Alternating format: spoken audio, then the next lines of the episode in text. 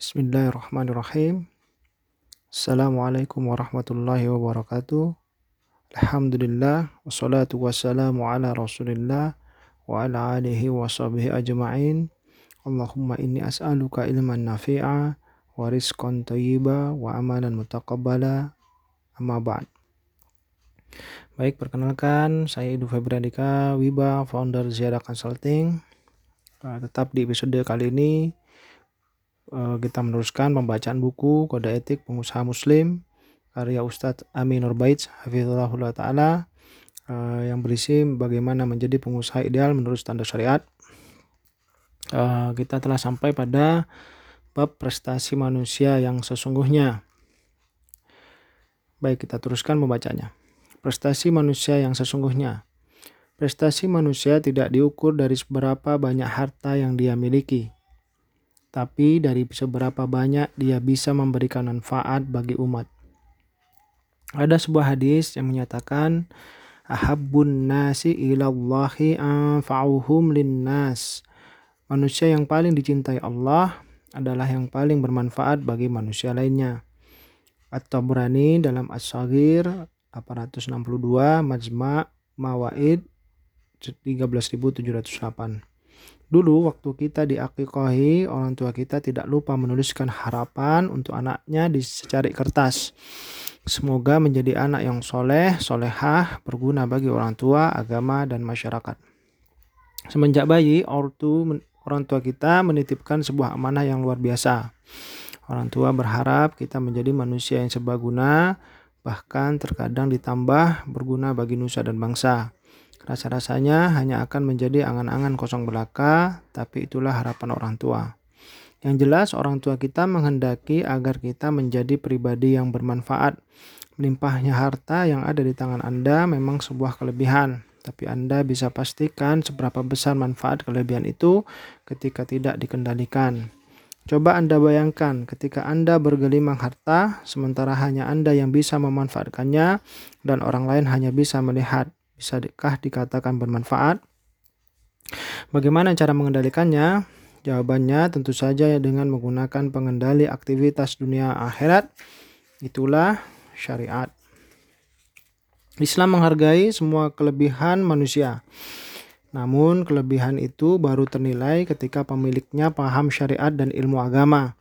Karena hanya dengan modal paham aturan agama, manusia bisa mengendalikan segala kelebihannya dengan benar, sehingga manfaatnya lebih luas. Standar inilah yang diajarkan oleh Nabi Shallallahu Alaihi Wasallam.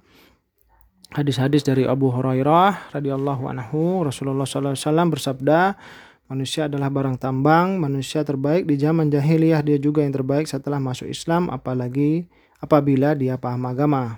Hadis riwayat Bukhari 3383 dan Muslim 2526. Barang tambang beraneka ragam tingkatannya. Di sana ada emas, ada perak, nikel, besi, bahkan kerikil dan pasir. Masing-masing memiliki nilai yang jauh berbeda sesuai kelebihannya. Rasulullah SAW memisalkan manusia sebagaimana layaknya barang tambang. Masing-masing memiliki nilai yang berbeda sesuai tingkat kelebihannya. Namun, semua itu baru memiliki arti ketika dia paham agama. Orang yang paham agama dan berusaha mengamalkannya akan menggunakan potensi hartanya untuk sesuatu yang bermanfaat bagi umat. Dari Abu Kabsa dari Abu Kabsa Al-Anmari al radhiyallahu anhu Rasulullah sallallahu alaihi wasallam bersabda ada tiga perkara yang aku bersumpah atasnya, dan aku akan menceritakan kepada kalian suatu perkataan, maka hafalkanlah. Beliau bersabda, harta seorang hamba tidaklah berkurang disebabkan sodakoh, dan tidaklah seorang hamba terzolimi dengan suatu kezoliman lalu ia bersabar dalam menghadapinya, melainkan Allah menambahkan kemuliaan kepadanya. Dan tidaklah seorang hamba membuka pintu untuk meminta-minta kepada orang lain, melainkan Allah akan bukakan baginya pintu kefakiran atau suatu kalimat semisalnya. Dan aku akan sampaikan kepada kalian satu perkataan, kemudian hafalkanlah. Beliau bersabda, sesungguhnya dunia ini hanya memiliki empat golongan saja. Satu, seorang hamba yang dikaruniai harta dan ilmu kemudian ia bertakwa kepada Robnya, menyambung silaturahim dan mengetahui hak-hak Allah, inilah kedudukan yang paling mulia. Yang kedua, seorang hamba yang dikaruniai ilmu tapi tidak dikaruniai harta, kemudian dengan niat yang tulus ia berkata, "Jika seandainya aku mempunyai harta, maka aku akan beramal seperti amalannya si fulan itu." Dengan niat seperti ini, maka pahala keduanya sama. Yang ketiga, seorang hamba yang dikaruniai harta namun tidak diberi ilmu, lalu ia membelanjakan hartanya secara serampangan tanpa dasar ilmu, ia tidak bertakwa kepada Robnya, tidak menyambung silaturahim, dan tidak mengetahui hak-hak Allah, maka ia berada pada kedudukan yang paling rendah. Dan yang keempat, dan seorang hamba yang tidak dikaruniai harta dan juga ilmu oleh Allah Ta'ala, lantas ia berkata, kalau seandainya aku memiliki harta, niscaya aku akan berbuat seperti yang dilakukan si fulan, maka ia dengan niatnya itu menjadikan dosa keduanya sama. Hadis riwayat Turmuzi 2325, Ahmad 18194 dan disahihkan Suaib al-Arnaud. Nabi SAW menyebut manusia jenis pertama sebagai manusia terbaik karena dia menggunakan hartanya untuk ketaatan dan memberikan manfaat bagi umat.